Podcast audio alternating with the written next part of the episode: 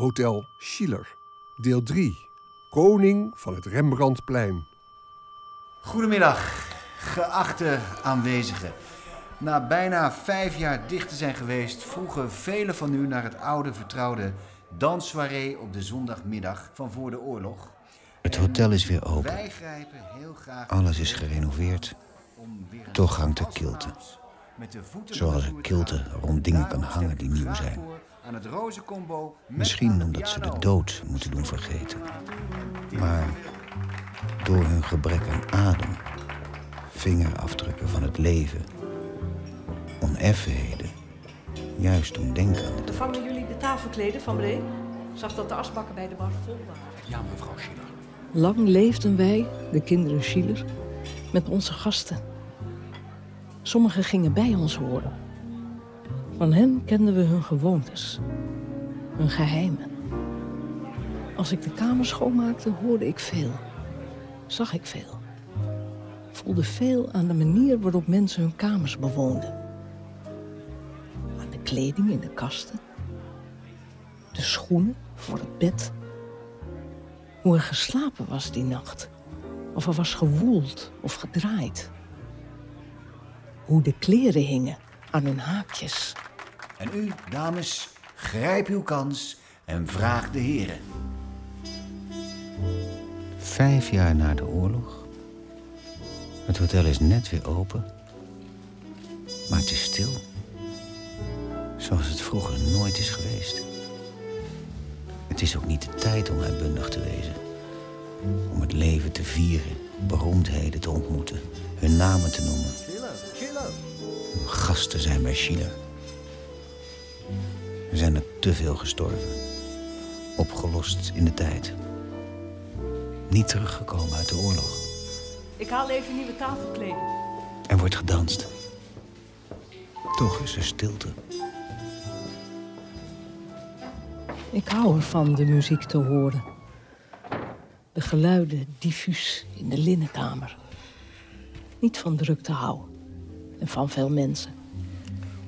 De gangen, de kamers en de linnenkamer mijn territoria zijn. Stilte en rust van lege kamers. Van mensen die zijn geweest of die nog moeten komen. Wat ik met mijn linnenkamer heb, heeft mijn broer Hein met zijn eigen tafel achteraf. Hij niet is als mijn broer Frits. Nooit op de voorgrond wil treden. Bekijk het vanuit de verte. Hou niet van dansen. De mensen drinken weinig.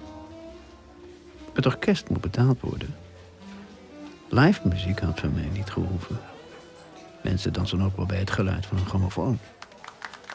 Frits, Frits, let je erop. Ik wil niet dat de mensen hun jassen over de stoelen hangen. Stoelen bezet houden terwijl er niemand zit. Ze kunnen hun jassen toch ook... Wij zijn nog steeds samen. Mijn broers en ik. Verwantschap is iets bijzonders. Een bindmiddel dat soms knelt, maar onverbrekelijk lijkt. Ooit ben ik hiervan weggevlucht. Maar ben weer teruggekomen. Niemand van ons daarvan los is kunnen komen. Zelfs mijn vrijgevochten broer niet. Onze kunstenaar en bohemien met zijn schildersoog. Terwijl mijn andere broer altijd loyaal aan onze vader was. Wat ik bedoel is... Het bloed houdt ons in haar greep. Banden zich door de tijd heen verstrengelden tot een onverbrekelijke lus. Weet nog dat ik terugkeerde uit mijn huwelijk als uit een boze droom. Om en erbij 1920. Ja, dat moet het zijn geweest. Het is al nacht. Loop over het damrak, langs de kuil van Schiller. Het oude dranklokaal waar mijn ouders bier serveerden op Duitse wijze. En wij, Frits, Hein en ik, moesten helpen. Iedere dag hetzelfde. Pullen vol bier. Loop door Amsterdam. Over de Dam. Verder. Over het Rokin. Aarzel bij de munt. Weet nog steeds niet wat te doen. Kom toch dichter bij het Rembrandtplein. Daar voel ik iedere stap die ik zet. Stap voor stap loop ik terug naar mijn bestemming. Toch ontroert het me als ik hem buiten zie staan. Het lichtpuntje zie van zijn sigaret onder het standbeeld van Rembrandt.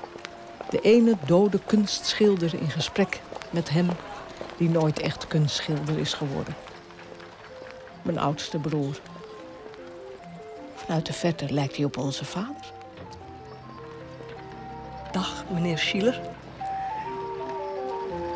Een mooie avond, vindt u niet? Goedenavond, mevrouw. Ja, het is een eh, prachtige avond. En het schijnt dat het in de loop van de week nog mooier wordt. Een warme wind uit het zuiden. Ze duikt opeens op uit het donker. Ken je me niet meer? Elsa. Frits? Ze ziet er vermoeid en verrijst uit.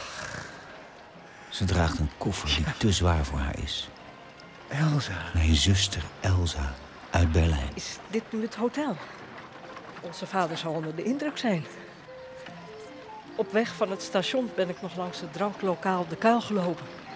Elsa. En ik heb Zomaar. Zonder eerst bericht te sturen. Het is alsof zij aan de brief waarin haar komst wordt vermeld Elsa. vooruit is gereisd. Was je man? Oh, in Berlijn. En als het goed is, blijft hij daar ook. Ik kom een kamer huren. Eén persoonsgraag. Een kamer huren. Is zij zo afstandelijk? Er hangt iets om haar heen.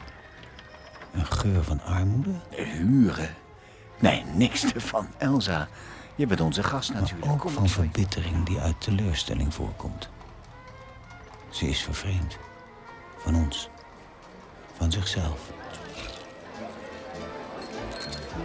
Hein! Hein! Elsa is terug. Elsa is teruggekomen. Elsa? Elsa? Oh god, ben jij het werkelijk? Is dit nu het hotel? Onze vader zal onder de indruk zijn. Ooit ben ik gevlucht. Wilde niet werken voor de droom van mijn vader. Vluchtte weg uit mijn jeugd, Het hotel heeft 70 kamers. terwijl ik nu weer terug ben. Met op alle kamers stroom. In dat wat hij voor ons had uitgedacht. Centrale verwarming. Denk je dat eens in, Elsa? Wat zou onze vader hiervan hebben gezegd? Hier is de ontbijtzaal. En verderop hebben we nog een bar. Ik was er ook niet bij toen het hotel begon te lopen. Nu iedereen het hotel bezoekt. We draaien soms wel drie shifts op een avond, Elsa. En eh, we hebben een grote kaart en een kleine kaart. Voor elk wat wils. Iedere avond zitten hier de oorlogswinstmakelaars. Nee, was toen in Berlijn met degene die ik in de kuil had ontmoet. Van wie het enige goede was dat hij niet van zingen hield. Ook niet van Wagner. Hij had weer andere dingen. Vreemde, nare dingen. Wat zijn je plannen, Elsa? Ik weet niet of ik het recht nog wel heb om terug te komen. Ik heb geen plannen, Hein. Vrouwen hebben geen plannen. Elsa is terug, boze Elsa. Elsa altijd boos in haar deeldeljurk die zij van vader moest dragen. Een deeldel in Amsterdam. Verwantschap is een moeilijk ding, Elsa. Eigenlijk was ik boos op haar toen zij van ons wegvluchtte in haar huwelijk. Net zoals ik ook lang boos ben geweest op Frits toen hij vluchtte in zijn kunst. Zij mij beiden achterlieten met het dranklokaal. Iedere dag was het afgeladen. Ik denk ook wel eens dat het toen was dat ik gestopt ben met denken. Het iedere avond Wagner was. Liederen die mijn hoofd vulden. Stemmen van de mensen. De geur van bier en worst. Waardoor ik heel lang niets anders meer rook. Toch is het goed dat ze er weer is. Mijn vader zou er gelukkig om wezen.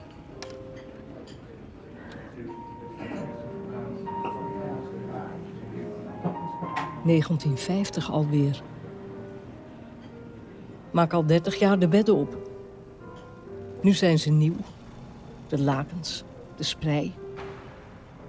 Soms zit ik op de rand van het bed in een van de hotelkamers. Luister naar de geluiden in het hotel. Soms ga ik liggen, zomaar ergens op een net opgemaakt bed. Sta weer op, trek alles recht. De lakens, de witte sprei, tot de afdruk van mijn lichaam, mijn gestalte is verwijderd van het bed.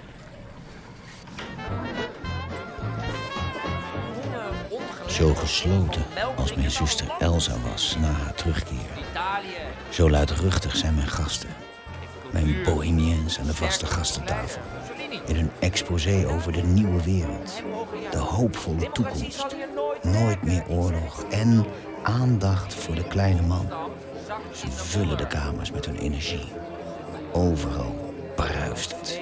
Iedereen is bezig. Het hotel is als een levend organisme waarin alles en iedereen met elkaar is verbonden.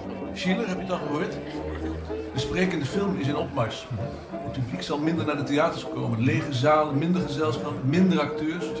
Wij, de grote Nederlandse regisseurs, zullen hen verliezen aan de film, aan Hollywood. Ik zeg het je. Aan Nederlands Hollywood, aan Hollywood aan de Amstel. In Duivendrecht worden al de eerste studio's gebouwd, Schiller. To stay or not to stay, om met Shakespeare te spreken. We moeten samenspannen. Onze krachten bundelen. Ze praten tegen me aan, betrekken me erbij, schuiven een stoel voor me aan. En ik geef ze wijn. Ze kijken me aan, soms vragen ze zelfs om raad, alsof ik het ben die hen door de nieuwe tijden loods. Frits? Frits, hoe, hoe moet dat eigenlijk? Acteren voor de camera. Als je de adem en de stemming van het publiek niet voelt. Actrice Annie Bos spoelde als lijk aan in december. Dagen was ze onderkoeld. maken. Als het eenmaal op het doek staat, dan kan je er niets meer aan Bij een veranderen. ontploffing verloor ze een deel van haar haar en was ze doof voor dagen. Alles was zo zwart van de koolspitslampen... dat ik ook in de avond en in de nacht mijn zonnebril draag. Zeg blinde, moet jij geen geleidehond? Zeg, Fien? Fien? Ja, rustig maar op, kind. Hoe ging dat lied ook alweer voor jou? Welk lied, kind? Ik heb geen idee wat je bedoelt. Over de film. Oh, dat lied. Nou ja, zeg. Zeg dat dan ook meteen. Zal ik dan maar? Wat niemand durfde dromen, is eindelijk gekomen. De filmartiesten stromen naar Duivendrecht met spoed. Fien de Lamar. Het ene moment zingt ze als een engel. Een ander moment kan ze voor je staan, haar ogen op je gericht als twee vurige kolen. Als er maar wordt geleefd en geleden. Als er maar naar het ware leven wordt geschetst. We moeten ons publiek de ogen op. Heijermans dwingt gehoor af met een betoog over sociaal onrecht en dieper inzicht. Weg uit de industrie van het dagelijks leven. Oftewel, De ingesleten routine. zijn laatste stuk is af. Ik trakteer en laat het afgrijzen van Elsa en Hein champagne aanroepen. Hein en Elsa eisen een familieberaad. Het is een moeizame positie tussen mijn familie en mijn gasten. Eenzaam. Hoor nergens bij. Niet bij mijn familie. En ook niet echt bij mijn gasten. De familie Heijermans zijn uitvreters. Ze commanderen het personeel, zonder te betalen. Heijermans wil laat in de avond, als hij terugkomt uit het theater, nog gebakken aardappeltjes eten. Ja, je moet de hele keuken open blijven. Ze hebben een muizenplaag ontketend. Ja, ja, ja, ja, ja. Sinds mijn zuster terug is, moet ik mij voortdurend bij twee mensen verantwoorden. Nu, Frits. Nu. Ik weet dat je gesteld op hem bent, Frits. Maar eigenlijk wil ik hen het hotel uit hebben. Grootheid of Precies. niet, als jij ze niet wegstuurt, doe ik het. Ze betalen hun rekeningen niet. De kamermeisjes durven niet naar binnen. En ik zelf trouwens ook niet. Het is waar. Het stinkt op de gang. Een oude verschraalde geur van eten. Ik klop aan. Mevrouw is thuis. Ik heb haar thuis zien komen. Mevrouw Heijmans? Als ze haar grote hoed met veren draagt, weet ik dat ze uit bedelen is gegaan bij de rijken. Om geld op te halen voor de kunst van Heijermans. Zachtjes met de deur. Ja, ja, ja, zeker. Het is vanwege het deeg. Wat voor deeg? Voor het brood. Deeg voor het brood. Het ligt te rusten. Nou, laten we het dan maar niet wakker maken. Ik kom nog wel eens terug. Succes met de reizen. Eh, van het brood, bedoel ik. Van het brood. Juist. Sst. Zachtjes met de deur. Zachtjes, ja, zachtjes voor het brood.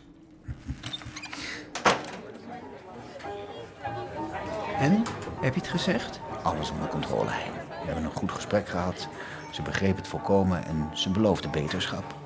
Ook al verloor de familie hun grip op de realiteit, toch bleef ik gefascineerd door Heijemans.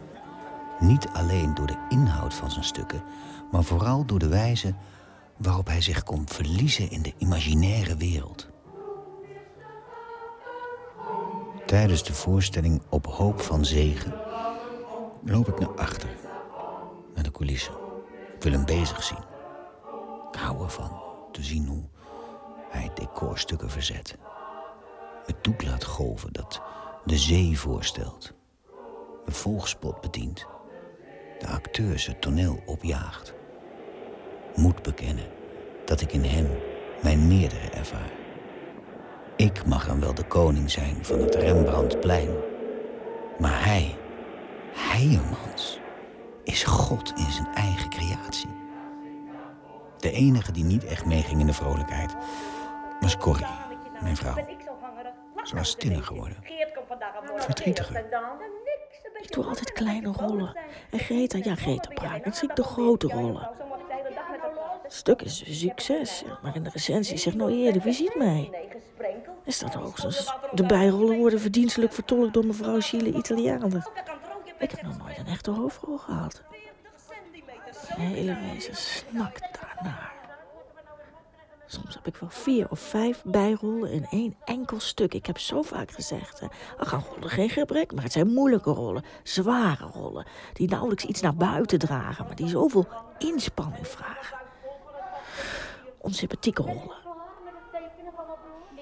Ik ben zo lang understudy geweest van Greta Lobo Brakenziek. En zij, zij is een grote tragedienne geworden. Had ik maar zoveel kansen gehad als zij. Het is niet eerlijk, Frits. Hoe oneerlijk kan het zijn in het leven? Nee, soms is het leven niet eerlijk. Op een dag, tijdens het hoogtepunt van haar roem, zag ik een vooraankondiging van Greta's vroege dood. Laat op de avond stond ik voor het hotel te roken toen ik haar aan de overkant voorbij zag komen. Het is stil. Ze is alleen. Ik steek mijn hand op, maar ze ziet me niet en schrijdt verder en verdwijnt als een schip in de nacht. De volgende dag lees ik dat zij en haar man zijn omgekomen bij een groot treinongeluk bij Leiden. Het was alsof ze al haar succes in één keer had opgesoupeerd. En niets, maar dan ook niets aan geluk of toeval over was. Het toeval en geluk ligt nu bij Corrie. Zij mag de hoofdrol overnemen van Greta Lobo Brakenziek. Ik ben natuurlijk een heel andere actrice, Frits. Greta is echt en puur. Haar tranen waren echt. En ze heeft me ook heel vaak ontroerd. Toch waren er dingen in haar spel die ik persoonlijk heel anders zou doen. Ik popel om een andere kant te laten zien van het personage van Herta in de vlam. Een gevaarlijke, donkere kant. Veel minder lieflijk. Ik heb geen mevrouw. We zijn in de zijkamer. En als je alles verliest, wie ben ik dan? Ach, mijn lief. Ik dank jou voor je begrip. En als alles anders zou zijn, de wereld anders om haar as zou draaien. Als Noord-Zuid was. En Zuid-Noord. Cupido Het spel gaat stroef. Ze hapert in haar teksten. Haar stem is niet vloeiend zoals bij Greta. Haar lichaam lijkt van hout.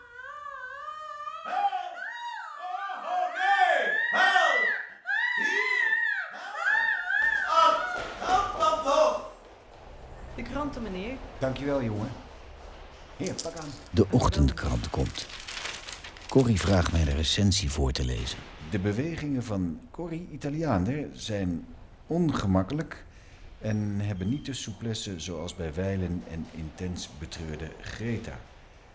Haar stem doet op veel plaatsen nogal gekunsteld aan. Ach, recensies. Ook al heeft zij enkele mooie. Wat weten zij er nou van? Er zijn recensenten niet meer dan mensen die zelf de stap niet hebben durven wagen. Zeg nou zelf. Ja. Kom, we voegen ons bij onze gasten.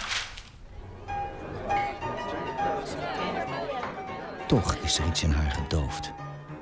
Al zou ze het zelf ontkennen.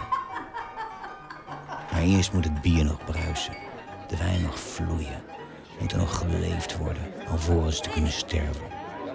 Moeten de idealen nog volume krijgen voor ze kunnen verwateren. Kom, je moet Fien even begroeten. Het was de tijd die toeliet dat mensen zichzelf ontstegen. Snel en als vuurwerk tot bloei kwamen.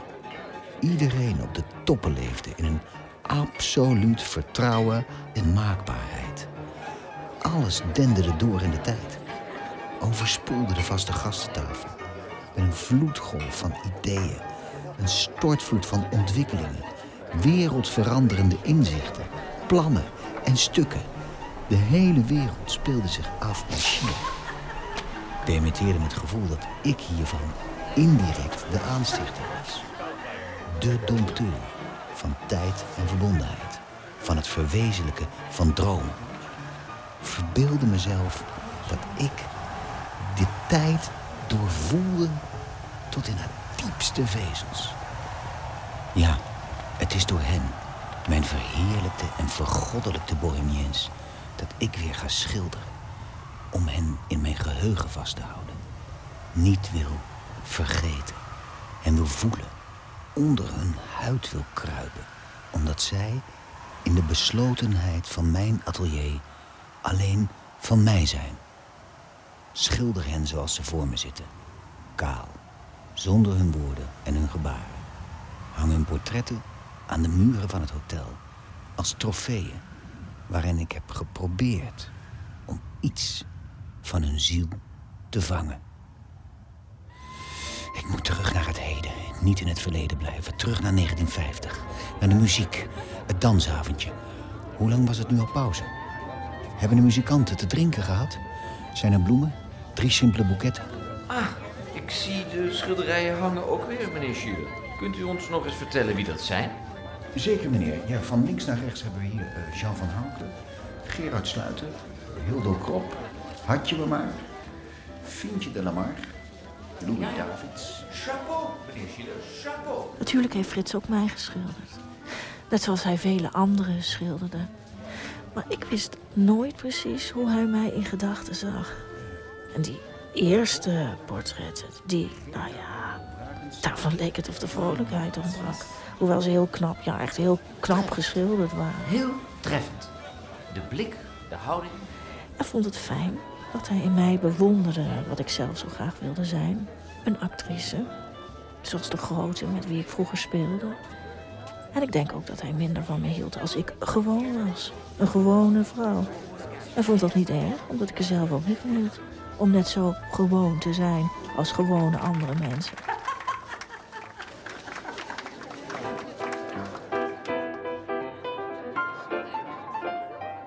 Van achter mijn tafel, van waar ik alles zie, kijk ik naar mijn broer bij de schilderijen die weer hangen. En die hij verzameld heeft, zoals een koppersneller zijn hoofden verzamelt om kracht uit te krijgen. Mijn broer heeft mij nooit geschilderd, maar het zou heel goed kunnen dat ik dat zelf niet wilde. En niet tussen wilde hangen. Zij toch allemaal gasten waren. Buitenissig waren. Maakt u het? Uitstekend. Ja, ouder geworden. Het hotel is nieuw, maar wij worden ouder. Het zal ons overleven. Dat is een raar gevoel. Speelt u... eh, Nee, nee, nee, nee. Dat is al zo lang geleden. We worden allemaal oud. Ja, ik weet niet of ik het nog wel kan. Of durf.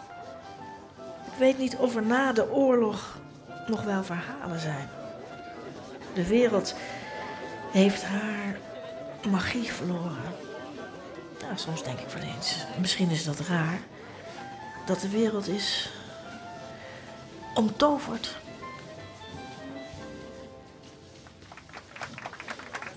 En dan zijn we alweer bijna aangekomen bij het laatste nummer. Dankzij mijn goden werd ik wie ik was. Een schilderende hotelier. Maar hoewel ze beleefd bleven, leek het niet of ze onder de indruk waren. Meurs vroeg het mij. Waarom schilder jij toch naar de werkelijkheid, Schiller? Waarom grijp je niet in? En ik zei hem dat ik vroeger op de academie geroemd werd om mijn gebruik van kleur. Waarop Breitner zei: Kleur? Wat is het nut van kleur? En aan de toon waarop hij sprak, hoorde ik hoe hij over mijn schilderijen dacht. Altijd zei dat kleur voor Eskimo's was. Maar over wat Meurs tegen mij zei, hoe zij beiden als schilder werkten, heb ik nagedacht. Nu pas, achteraf. Waarom schilderde ik alles naar de werkelijkheid? Waarom greep ik niet in? Iedere avond sta ik onder het standbeeld van Rembrandt te roken. Wacht op de taaien, zoals hij zelf ook wacht op mensen. Om hen op te halen en weer weg te brengen.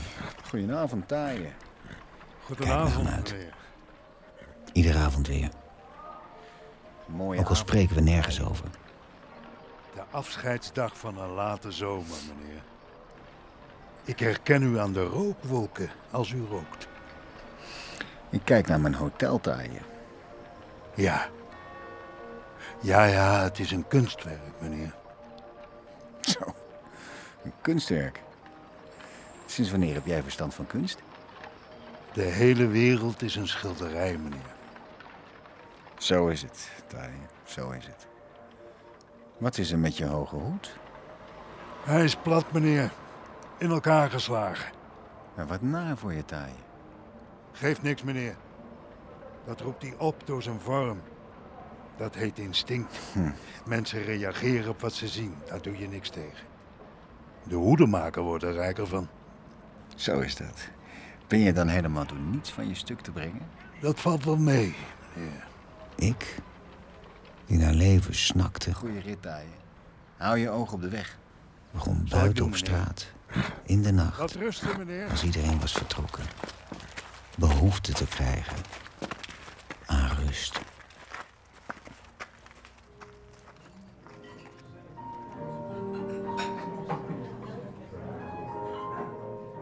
Hoe anders was het in de jaren twintig? Hoe anders is het heden? In deze tijd na de oorlog hangt een rare stilte. Het was bijna weer als vanouds, Sheila. Bijna weer als vanouds. Meneer, mevrouw, ik wens u een hele goede avond en wel thuis.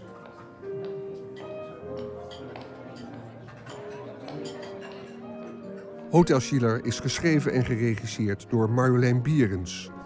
U hoorde Marcel Hensema, Anneke Blok, Harry van Rijthoven, Maureen Theeuwen, Diane Dobbelman, Sanne Wallis de Vries en vele anderen.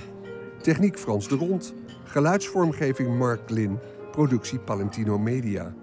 Deze achtdelige VPRO-productie is mogelijk gemaakt door het NPO-fonds en het Amsterdams Fonds voor de Kunst.